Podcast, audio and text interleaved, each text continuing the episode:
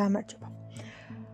დღეს მინდა ვისაუბრო აფირმაციებზე, манифестაციაზე, სურვილებზე და სურვილების ასრულებაზე. და ზოგადად მე როგორ ვხედავ და როგორი დამოკიდებულება მაქვს ამ ყოველფრის მიმართ. მე მგონი სამყაროში არ არსებობს ადამიანი, ვისაც არ უნდა და ვისაც არ სურს, რომ რაღაც სურვილი შეუსრულდეს. ყველა ადამიანს როგორც არ უნდა ვილაპარაკოთ, აბსოლუტურად ყველა ადამიანს რაღაც სურვილი და სურვილები ამოძრავებს, გვამოძრავებს და რაღაც სურვილები გვაქვს, რომლებიც გვინდა რომ შეგვისრულდეს, რომლებიც გვინდა რომ ახდეს, რომლებიც გვინდა რომ რეალობად გვექცეს და რომლებიც გვინდა რომ ჩვენს ცხოვრებაში მოხდეს და განხორციელდეს. მე არ ვარ ის ადამიანი, ვისაც შეუძლია კონკრეტულად გასწავლოთ ან გითხრათ.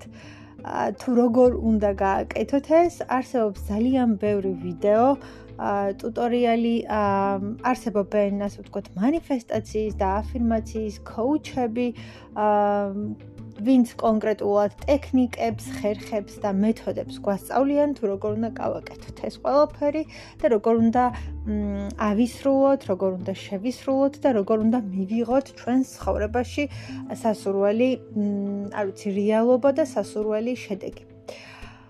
აა თუმცა ხანდახან, ანუ მეც გამიკეთებია და მეც მიმართავს რომელიმე ასეთი ხერხისათვის და რაღაცა შესრულებულა შეიძლება აი ესე კონკრეტულად არ მახსოვს და რაღაცები არ შესრულებულა და ეს უფრო მეტად მახსოვს.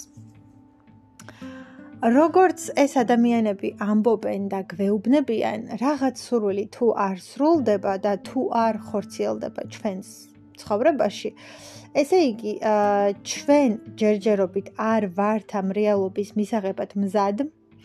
აა მე თუ მკითხავდა, რასაც ასევე ამბობენ და ამის ნამდვილად მჯერა, რომ შესაძაც აფირმაციას ან манифестაციას ან რაღაც მსგავს აკეთებ, უნდა გჯეროდეს. თუ არ გჯერა და თუ უბრალოდ დატესტვის და გამოცდის კუთხით აკეთებ ამ ყველაფერს, მგონია რომ შედეგს ნაკლებად მოიტანს. იმიტომ რომ ნებისმიერი საქმე, რომელსაც ვაკეთებთ, საქმეს, რომელსაც არ ვაკეთებთ სიყვარულით, საქმეს, რომელსაც არ ვაკეთებთ მთელი გულისყურით და სითბოთი, ის საქმეც ვერ გამოიღებს ხოლმე შედეგს. ყველაფერს აქვს შედეგი მაშინ, როდესაც ამ ყველაფერს ჩვენ ვაკეთებთ ძალიან დიდი მონდომებით, ჩართულობით, სურვილით, სიყვარულით და მთელი თავდადებით. დანარჩენ შემთხვევაში არც ერთი საქმე არ გამოდის როგორც წესი და ვერ რეალიზდება და ვერ განხორციელდება ხოლმე.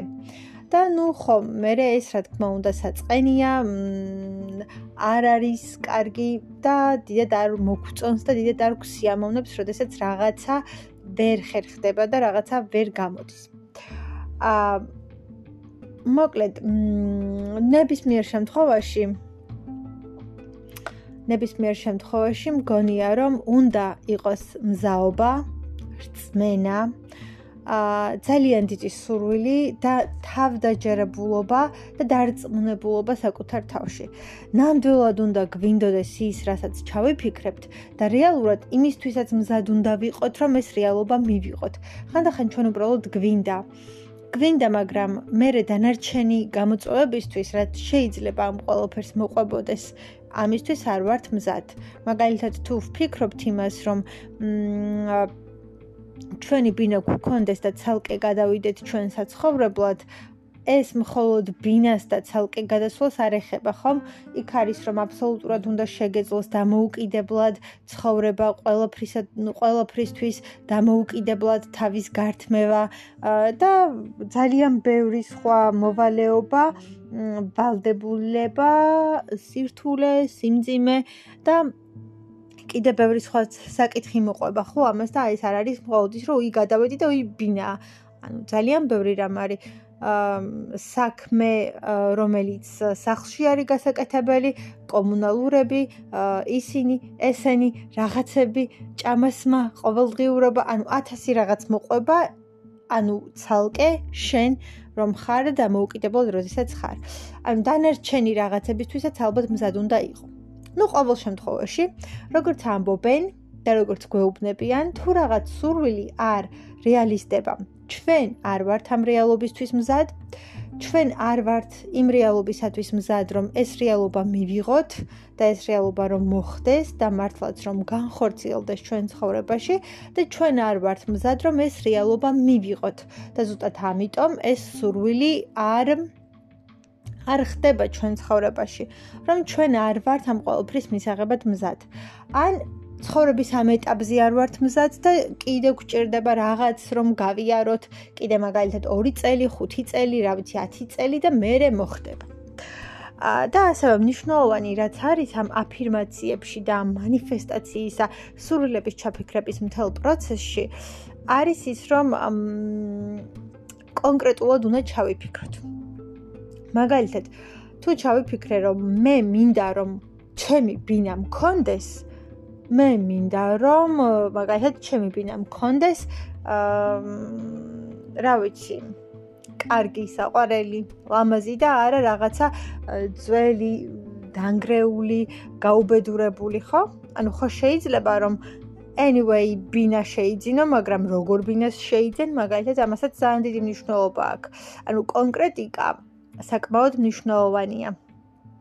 ან თუ ვიღაც ფიქრობს, რომ მე მინდა რომ დავოჯახდე, ან მე მინდა რომ გავთხოვდე,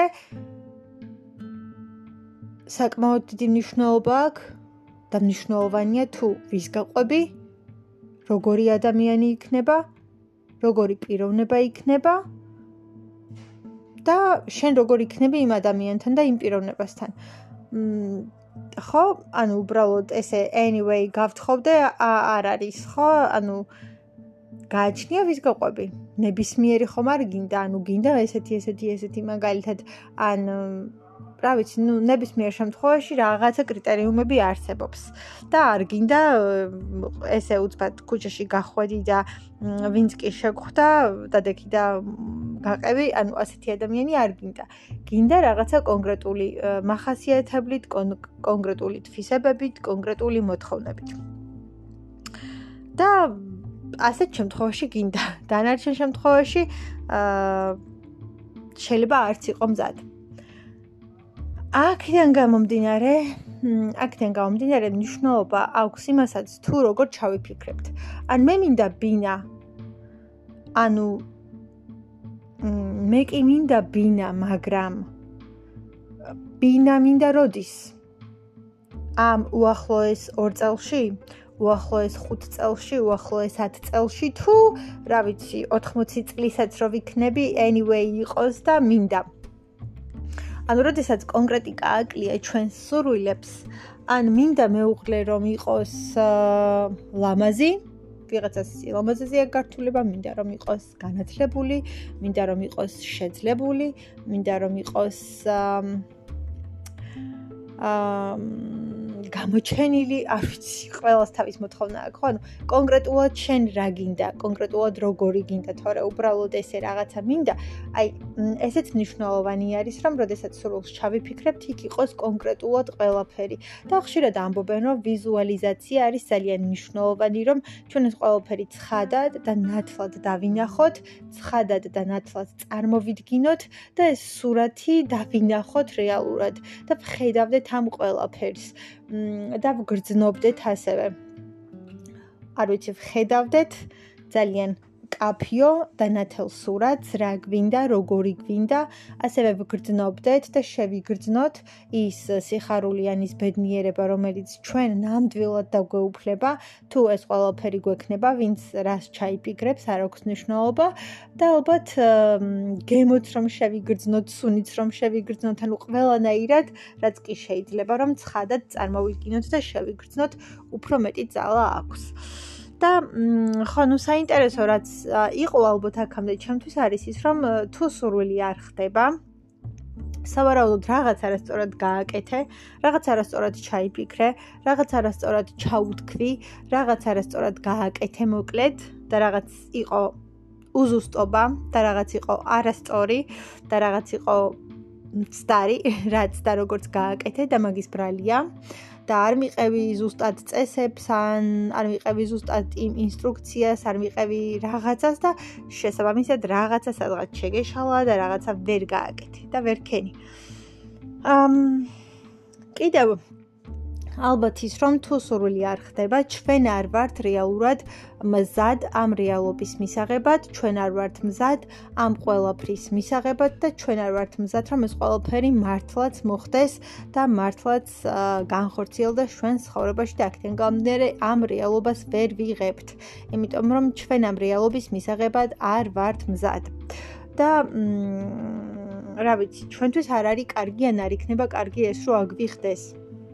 ან ცხოვრების ამ ეტაპზე არ არის საჭირო რომ გქონდეს და აგვიხდეს და ჩვენც არ ვართ მზად ან იმდენად რაღაცა აბსტრაქტულად ჩავიფიქრეთ რომ შეიძლება მართლაც მოხდეს მაგრამ მოხდეს ძალიან დიდი ხნის შემდეგ. ზოგადად როდესაც სურვილებს ეხება საქმე მე მგონია რომ ადამიანების ცხოვრებაში არის ძალიან ბევრი რამ ძალიან სასაცილო. ძალიან სასაცილო. აი, ბედის ირონიას რომ ვეძახით და ცხოვრების დაცინვას რომ ვეძახით და ნუ 1000 რაღაცას რომ ვეძახით. ჩვენ ცხოვრებაში უკარგავთ ძალიან ბევრ, ძალიან ძალიან ძალიან ბევრ და ძალიან ძალიან დიდ დროს. და რაღაცები გვინდა. მაგალითად, თუ ვიღაცას უნდა და ოცნებობს, ასე ვთქვათ, iPhone 13-ზე აა ანუ თუ გავიდა მაგალითად 5 წელი და მე თუ მიიღო ეს iPhone 13, საერთოდ აღარ უნდა უკვე, იმიტომ რომ შეიძლება მაშინ უკვე გამოსული იყოს 20 ან რა ვიცი 21 და ნუ აღარ უნდა იმიტომ რომ ეს უნდა და მაშინ და იმ წუთას მაგრამ მაშინ და იმ წუთას ვერ მიიღო. ან ვიღაცას უნდა იგივენაირად მანქანა. ვიღაცას უნდა არ ვიცი, სახლი, ვიღაცას უნდა რაღაცა, მაგრამ შეიძლება ხანდახან ისეთ დროს მოხდეს, ახდეს და დაგვატყდეს თავს, რომ საერთოდ აღარ გქონდეს ჩვენთვის მნიშვნელობა. და საერთოდ აღარ გქონდეს არანაირი არანაირი სიხალისე და არანაირი ბედნიერება. აი ვიღაცას უნდა რომ ბინა გქონდეს და დამოუკიდებლად თავისუფლად და არ ვიცი. აი, სრულ თავისუფლებაში მოკლედ ცხოვრობდეს თავისთვის დამოუკიდებლად და მარტო. რაღაცა პერიოდი. 2 წელი, 5 წელი, არ ვიცი, რაღაცა უნდა რა თავისთვის რა იცხოვროს. მაგრამ ვერაფერ თვერ მიიღო და ვერ მიაღწია ამ ყველაფერს. გავიდა დრო, ეს ადამიანი დაოჯახდა. აა, ყავს შვილები, ყავს ოჯახი. რაღაცა და შემდეგ იყიდა ბინა. დამატებით. რა თქმა უნდა, იქამდე სადღაც ცხოვრობდა. და ის ბინა რომელზეც ოცნებობდა. რეალურად არის.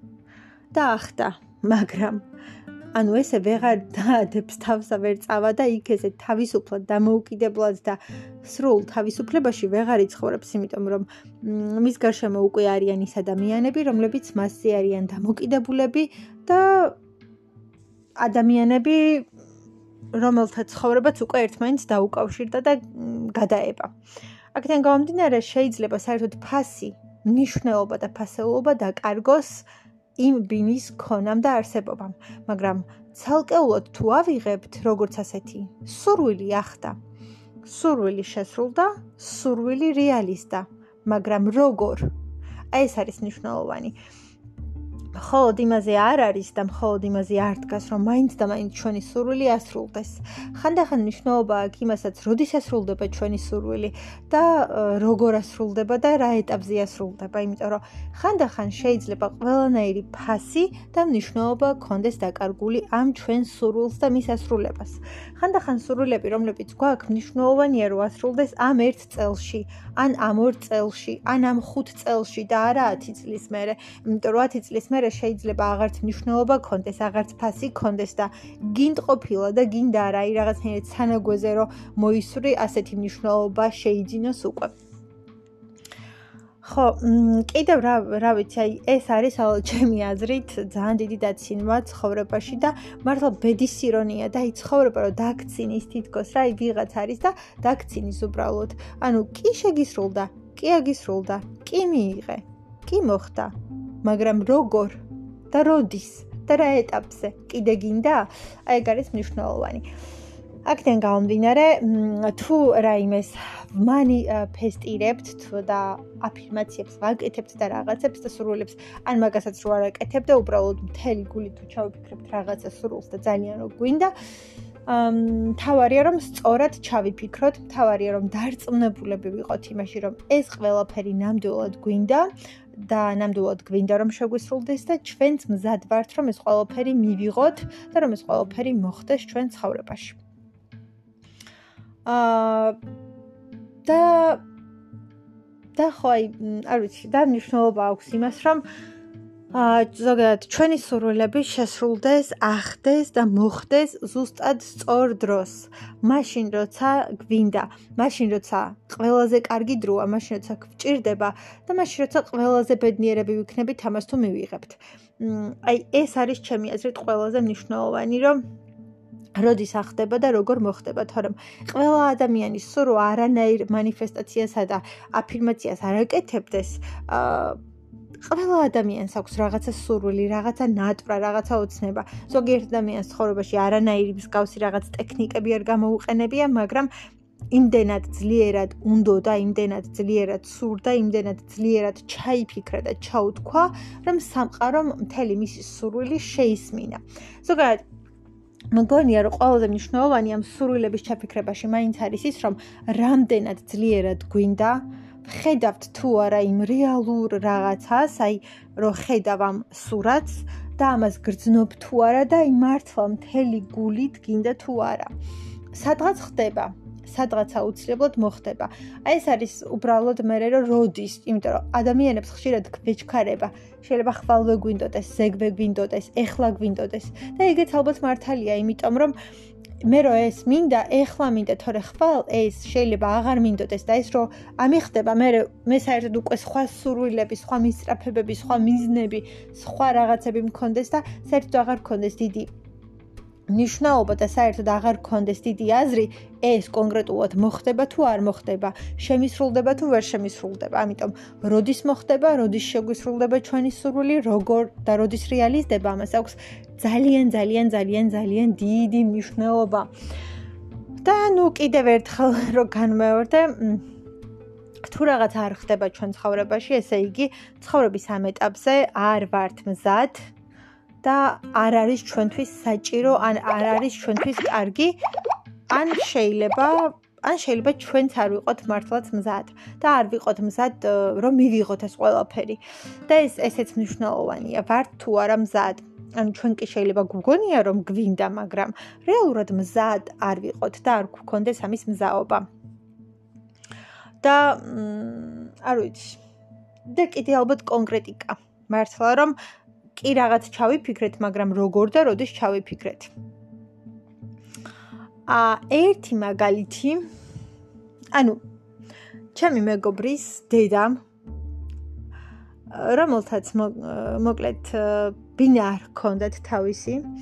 აა აი ესე რა ვიცი არ ვიცი რა ეტაპი იყო ალბათ მაშინ ძალიან ცუთხასიათზე იყო ასე მგონია. მოკლედ რაღაცა უბრალოდ ჩაულებრივ ფურცელზე დაუწერია რომ ძალიან მინდაო რომ ჩემი ბინა მქონდესო და აი რაღაცა აი დავიღალეო რაღაც რაღაც მსგავსი შინაარსის ის იყო რომ აი რაღაც მართლა ალბათ ძალიან ცუდ ხასიათზე რო იყო და ძალიან ცუდად რო გრძნობდა და ალბათ იმ წუთას ძალიან არ ვიცი სასწორკვეთილიც იყო და არ ვიცი უბრალოდ აი ეს რაღაცა გულიდან წამოსული სიტყვები რაც მართლა უნდა და დაწერა ფურცელზე არ ვიცი აი იმ მომენტში რას გრძნობდა კონკრეტულად ან როგორ მაგრამ ნუ დაწერა და რაღაცა ციგნში ჩაუდია და მოკლედ რა ვიცი, გავიდა წლები ალბათ, ბევრი წელიც შეიძლება 10 წელი.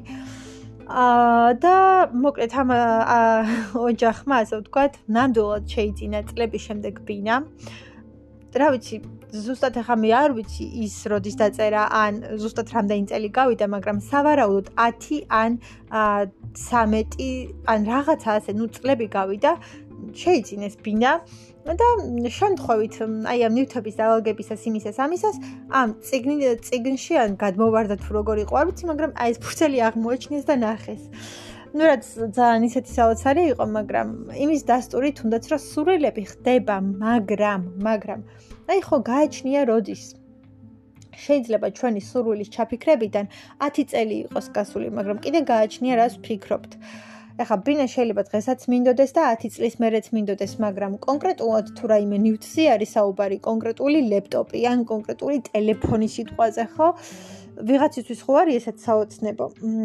მაგრამ ის კონკრეტული მოდელი 10 წლის მერე თუ გექნება, ანუ არანაირი მნიშვნელობა ამ ფასი ან დატვირთვა აღარ ექნება, იმიტომ რომ იმ დროისთვის ალბათ გამოსული იქნება კიდე 10 იმნაირი. ну მოკლედ ეს და ის რომ ხო სწორად ჩაფიქრებას აქვს ალბათ ძალიან ძალიან დიდი მნიშვნელობა. რომ ჩავიფიქროთ სწორად, რომ ჩავიფიქროთ ზუსტად, რომ დარწმუნებულები ვიყოთ, რომ ეს ნამდვილად, ნამდვილად გვინდა და ნამდვილად გვინდა რომ აგვიხდეს, ნამდვილად გვინდა რომ შეგვისრულდეს, ნამდვილად გვინდა რომ მივიღოთ და რომ ჩვენ ნამდვილად ვართ მზად ამ რეალობისთვის და ამ რეალობის მისაღებად. პირადად ჩემ გამოცდილებაზე ვიტყვი კიდევ 1-2 სიტყვას. მე მაგალითად რაც აი რაც ძალიან ძალიან გულით მდომებია ძალიან ძალიან გულით მდომებია რაღაცა ეტაპზე მაინც ალბათ შემსრულებია რაღაცა ეტაპზე მაინც ხო აი უბრალოდ ეგ არის რა ხანდახან ისეთ დროს რაღაცა შეგისრულდება რომ აღარანაირი მნიშვნელობა არ აქვს და არ ვიცი. შეიძლება ყველანაირი ფასი და მნიშვნელობა ქონდეს საკარგული, მაგრამ შესრულებით ნუ სრულდება. კიდევ, აი მე პირადად რაც შემსრულებია, ან ამსრულებია, ხანდახან ნეგატიურიც კი, მათ შორის აი ძალიან დიდი ენერგეტიკით, აი შინაგანად რომ გრძნობ, ძალიან დიდ ენერგეტიკას და მართლა ძალიან ძალიან დიდ ენერგიის და არ ვიცი ძალების და სრულების და ყველაფრის მოზღვავებას რომ გრძნობ შენში და აი კატასტროფულ დიდ ენერგიას რომ გრძნობ და ხშირ შემთხვევაში მე პირადად მაგ მომენტში ან ძალიან გაცოფებული და გაბრაზებული და გაცეცხლებული ვყოფილ ვარ და აი აი ამ თელი რაღაცით მithქვამს აი სიბრაზით და აი რაღაც აი ასეთივე ენერგეტიკა თუ გექნება ალბათ ძალიან პოზიტიური შესრულდება და აი რაღაც ეგეთი მომენტები ასრულებულა. ანუ კარგიც და ცუდიც რა, მათ შორის, კარგიც და ცუდიც. აი როცა ძალიან ძალიან დიდი ენერგეტიკით, ძალიან დიდი ძალით, აი შენში გრძნობ აი ამ ენერგეტიკას და უმეტეს შემთხვევაში ესეთ ძალიან დიდ რაღაც მოზღვავებას უგრძნობთ ხოლმე, ну, ჩემი დაკვირვებით, უფრო მეტად ვგრძნობთ ხოლმე გაბრაზების მომენტში. ძალიან ძალიან გაბრაზებულები რო ვართ რაღაცაზე, აი საშინლად, საშინლად გაბრაზებულები რო ვართ და გაცოფებულები რო ვართ და აი არ ვიცი, ცეცხლებს რო ყრით და აი ხო ძალიან დიდი ენერგია ტრიალებს და რაღაცა ეს რაღაც სიბრაზის და გაცეცხლების და გაცოფების და ყველაფრის ერთად ხო ძალიან დიდი ენერგეტიკაა და იგივენაირად რომ წარმოვიდგინოთ ძალიან პოზიტიური ენერგია ოღონდ ოღონდ უკვე დამშვიდებულზე და პირიქით პოზიტიური ოღონდ ძალიან დიდი ენერგია და ენერგეტიკა. სულ არ დამჭიროებია ესეთ შემთხვევებში არც აფირმაცია, არც манифестаცია, არც რაღაცების დაწერა, მიწერა, მოწერა რაღაცები, უბრალოდ აი იმდენად დიდი ენერგია იმდენად დიდი სურვილი და ენერგეტიკა ყოფილა ჩემში რომ აი თავისთავად ასრულებულა და ეგეთ მომენტებში ხოლმე მე თვითონაც ვგრძნობ რაღაც მომენტები არის ხოლმე როცა მე თვითონ ვგრძნობ რომ აი ეხლა ეს შესრულდება და ასრულდება. შეიძლება უბრალოდ რაღაცა ვინატრო არ ვიცი. ხო არის ანუ ეს არ არის მნიშვნელოვანი არც ის რომ მაინც და მაინც რაღაცა დიადი ვინატროთ და რაღაცა სასწაულზე იყოს საუბარი ხო? არც მაგაზე არ არის დიდი რაღაცა რომ აი მაინც და მაინც უნდა იყოს სასწაული. მაგაზე არ გვაქვს. თავარი არის რომ არ ვიცი თავარი არის ალბათ ის რომ არ ვიცი. თავარი არის რომ ასრულდეს რა და ეს სურვილი მართლა რაღაც რეალისტეს და ჩვენ ძალიან ისე ჩავიფიქროთ.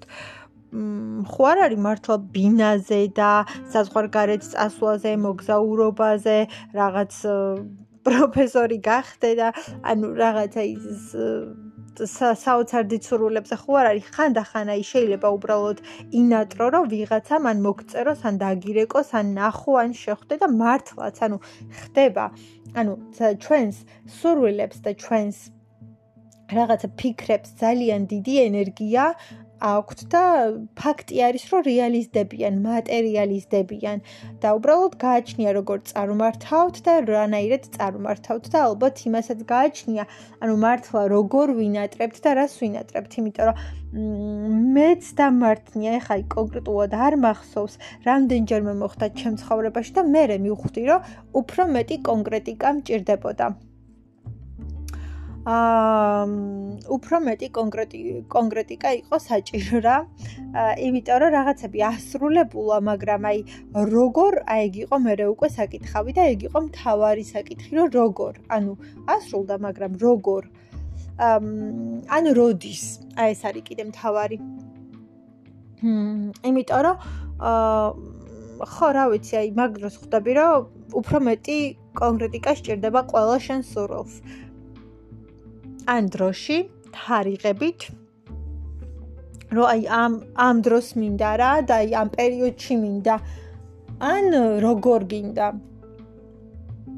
ერთ-ერთი ერთ-ერთი რაც აი ესე შემისრულდა ძალიან დიდი ხნის მანძილზე მოკლედ 2012 წლიდან სადღაც ესე მახსოვს 2012 წლიდან მინდოდა რომ ჩემი საკუთარი ცენტრი მქონოდა და აი ძალიან მინდოდა და აი წლები გადიოდა და ეს იყო ჩემი ოცნება, ჩემი ნატვრა. არანაირი აფირმაციები და რაღაცები არ გამიკეთებია ახლა მაშინ, რა ვიცი, არ მახსოვს რომ მსგავსი რაღაცები მექნა ნამდვილად. აი უბრალოდ მართლა ოცნება იყო, ნატვრა იყო, სურვილი იყო და მიზანი იყო და ყველაფერი იყო. ბოლოს მართლა ოცნებად გადაიქცა და აი ნატურად და რაღაცა, აი რაღაცა, ხან უფრო ვითომ გეგმავდი, ხან უფრო ისე, ხან უფრო ესე, მაგრამ საბოლოო ჯამში იყო ძალიან დიდი ნატრო და ოცნება. მოკლედ, აა მოვიდა 2019 წელი და მე მართლაც გავაკეთე ჩემი ცენტრი. ანუ 2012-დან 2019 წლამდე ძალიან დიდი დრო იყო. ხო? ანუ თვითონ ის ფაქტი, რომ ცენტრი მინდა, ცენტრი მინდა, ცენტრი მინდა და ეს ოცნება, ნატურა, სურვილი ყველანაირი ფორმით გამოხატული, ყველანაირი ძალით და ყველანაირი ფორმით გამოხატული, რეალურად ცხოვრებაში რეალიზდა და შემისრულდა. ნუ მართალია, საკმაოდ დიდი ხნის მერე და წლები დასჭირდა ამ ყველაფერს. და ალბათ ისიც იყო რომ მართლა მზად როდის ხარ ამ ყველაფრისთვის, ახლა 2012 წელს რო ეს ყველაფერი მომხდარიყო, მაშინ მით უმეტეს არ ვიქნებოდი მზად. მაგრამ აი ამ ჩემს სურვილებს ბევრი რამ აკლდა. მაგალითად, ცენტრი მინდა, რომელიც ძალიან მაგრად იმუშავებს და წლები იქნება ძალიან მაგარი და წარმატებული და ძლიერი და რაღაც რომ მენატრა ალბათ უკეთესი იქნებოდა. ну მოკლედ, ესეთ პერიოდს დაემთხვა ამ ჩემი ცენტრის გახსნა, რომ სადღაც გახსნიდან 6 თვეში დაიწყო კორონავირუსი, მოკლედ ეს პანდემია, ყველაფერი და ჩაიკეტა საერთოდ ყველაფერი და ნუ მოკლედ მოგვიწია რომ ეს ყველაფერი შეგვეწყვიტა, დაგვეხურა და მოკლედ სულ რაღაც 6 თვე იმუშავა. აი ზუსტად 6 თვე. ნუ ალბათ მაქსიმუმ 7 რა, 6 იყო ესე მახსოვს. მოკლედ ხო და ეს არის მნიშვნელოვანი. ეს იყო ჩემი ძალიან დიდი სურვილი, ძალიან დიდი ნატურა, ოცნება, ყველაფერი ერთად იყო. არაფერი ისეთი არ მიქნია ხარ რომ თქვა რომ აი უბრალოდ ძალიან დიდი ოცნება იყო, სურვილი იყო, ძალიან დიდი მართლა ენერგეტიკით და ძალითა და გულით სულით ნატრობდი. სადღაც რაღაც ეტაპზე ჩემ ცხოვრებაში მოხდა რეალისტა, მაგრამ როგორ აი ეგ არის მთავარი. ნუ ალბათ დროის საკითხიც ახლა რომ ვიღაცას მაგალითად 2-3 წელში უნდა რაღაც ხო და არ უნდა ეხა 10 წლის მერე, სულ არ უნდა, შეიძლება აღარ უნდადეს. აა და ნუ მე მეორე ალბათ ის კონკრეტიკა რომ როგორ მინდოდა რომ ემუშავა, როგორი მინდოდა რომ ყოფილიყო, როგორ მინდოდა რომ წარმართულიყო და არა უბრალოდ ის რომ ყოფილიყო, იმიტომ რომ უბრალოდ ყოფნით ნამდვილად იყო. ანუ თუ მხოლოდ იმას ავიღებთ რომ მინდოდა რომ ჩემი ცენტრი მქონოდა ამ დონეზე ნამდვილად შესრულდა და ასრულდა 6 თვე ნამდვილად რეალისტა ეს ყველაფერი და იყო მაგრამ მხოლოდ 6 თვე იყო. და შემდეგ ჩამოინგრე ჩამოიქცა დაიხურა დაიშალა და ასე შემდეგ.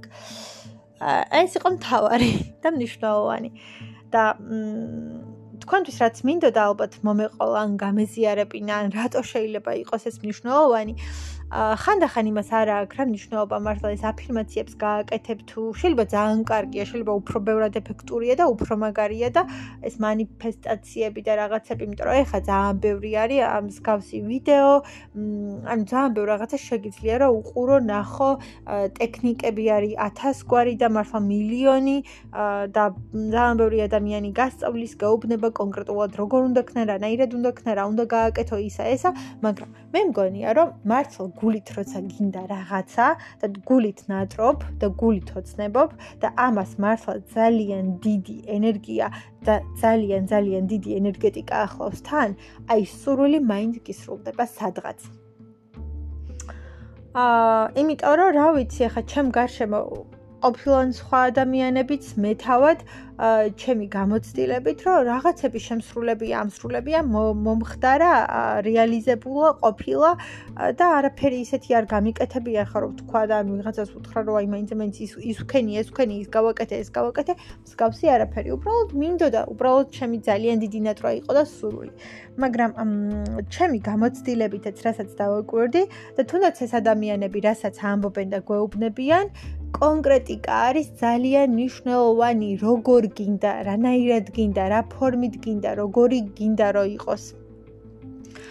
ანუ თუნდაც აი იგივე რო ავიღოთ მაგალითისთვის, ვიღაც თუნდაც რომ მინდა დავოჯახდიან რაღაც მსგავსი, შეიძლება დაოჯახდე, მაგრამ აი როგორი გინდა რომ ეს შენი ოჯახი იყოს და რაღაც ხო? ხო შეიძლება 3 წლის მერე გაშორდიან, დაგენგრეს ეს ოჯახი, ანუ თვითონ ის ფაქტი ნამდვილად რეალისტა რომ დაოჯახდი, მაგრამ შემდეგ როგორი იყოს შენი ოჯახური ცხოვრება, ეს არავის არ უნატრია, ანუ ფიქრია, ან დაუგეგმავს ან რაღაც, ხო?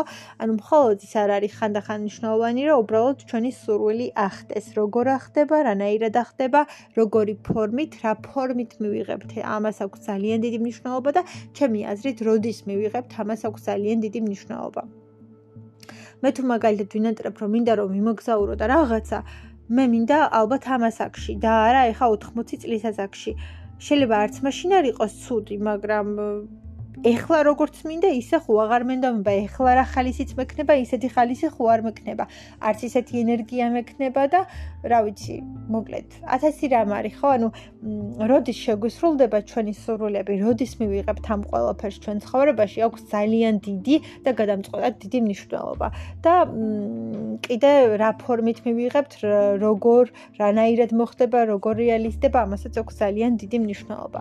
რაც მთავარია, გისურვებთ საერთოდ ყველა თქვენი სურვილისა და ნატრის შესრულებას და განსაკუთრებით ისეთი სურვილების და ისეთი ნატრების შესრულებას, რომელიც თქვენთვის და თქვენი ცხოვრებისთვის ნამდვილად იქნება კარგი და სასიკეთოდ წარიმართება და ძალიან კარგ კარგ რაღაცებს მოგიტანთ ცხოვრებაში, ასეთი სურვილების ასრულებას და შესრულებას განსაკუთრებით გისურვებთ და უბრალოდ მინდა და ალბათ ის მეთქვა რომ მე თვითონაც მქონია შემთხვევები, როდესაც რაღაცა ჩამიფიქრებია, რაღაც ძალიან დიდი სურვილი მქონია, მაგ და მithქვამს რაღაცა კონკრეტული სიტყვები და ჩემი დაკვირვებით როდესაც ძალიან დიდი ენერგიით, ენერგეტიკით, ძალიან დიდი სურვილით, ნატრითა და ოცნებით და რაღაცით ამბობ კონკრეტულ სიტყვებს, კონკრეტულ რაღაცას ის აუცილებლად ყოველთვის სრულდება და რეალიზდება ხოლმე და ალბათ ეს არის ყველაზე მნიშვნელოვანი, მე მაინც ასე მგონია, რომ როგორი ძალით ვინატრებთ და რა როგორ გვინდა და რანაირად გვინდა ამას აქვს ძალიან დიდი მნიშვნელობა და ალბათ იმასაც ვართ თუ არა მზად რომ მივიღოთ და კიდე ალბათ სამყარომ ყველაზე მეტად იცის მართლა გვინდა თუ არა ეს, მართლა გვჭირდება თუ არა ეს და კარგი იქნება თუ არა ჩვენთვის და ჩვენი ცხოვრებისთვის, იმიტომ რომ ხანდახან ჩვენ გონია რომ რაღაც გვინდა, მაგრამ შეიძლება საერთოდ არ იყოს ჩვენთვის კარგი. გისურვებთ სურვილების შესრულებას და მათ ახდენას.